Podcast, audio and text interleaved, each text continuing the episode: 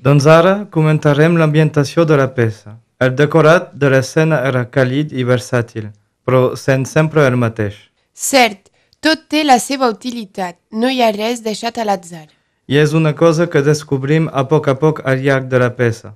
Tenim, per exemple, els medicaments que es troben sobre la tauleta de nit. Pot semblar un detall insignificant, però que acabem relacionant entre la malaltia del pare i el conte d'en Polzet. Mentre que en la imaginació són el dinar de l'ogre, en realitat el fill aprofita per fer-li prendre els medicaments al seu pare.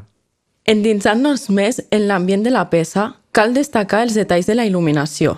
Primerament, es diferencia entre el dia i la nit utilitzant llum groga taronjada pel dia i llum blava a la nit. Igualment, a través del joc de llums podem dissociar les dues històries de la peça, la del pare i el fill i la del conte. Quan es tracta del pare i el fill, les llums són més pàl·lides i clares. D'altra banda, quan es tracta del conte, els colors són més vius i foscos. Més detalladament, crec que podem distingir la realitat dels dos personatges de la imaginació del pare. Això gràcies a la projecció que imita la llum del sol que passa per una finestra i del llum penjat del sostre.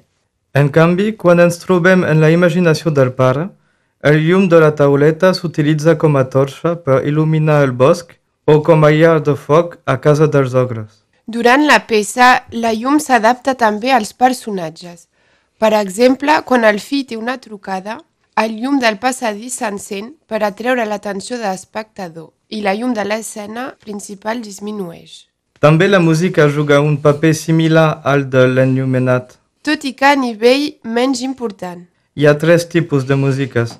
Quan som amb el pare i el fill, hi ha una música lenta i tranquil·la, o a vegades trista quan estan separats, amb el so principal d'un piano.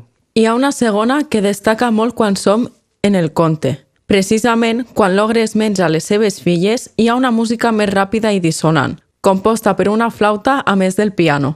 I hi ha una tercera música que es passeja d'una història a l'altra. Aquesta és més alegre i amb un ritme enganxós. Sembla estar sincronitzada amb els passos dels personatges. És un matrimoni harmoniós entre el piano i un acordió. Finalment, crec que podem dir que l'ambientació donada a la peça juga un paper molt rellevant i interessant a l'hora d'integrar-se amb l'acció. A més, ha estat molt ben escollida per ajudar l'espectador a distingir la història del pare i el fill de la d'en Polzet. Exactament, i d'aquesta manera fan destacar més la relació entre l'abandó del pare i el d'en Polzet.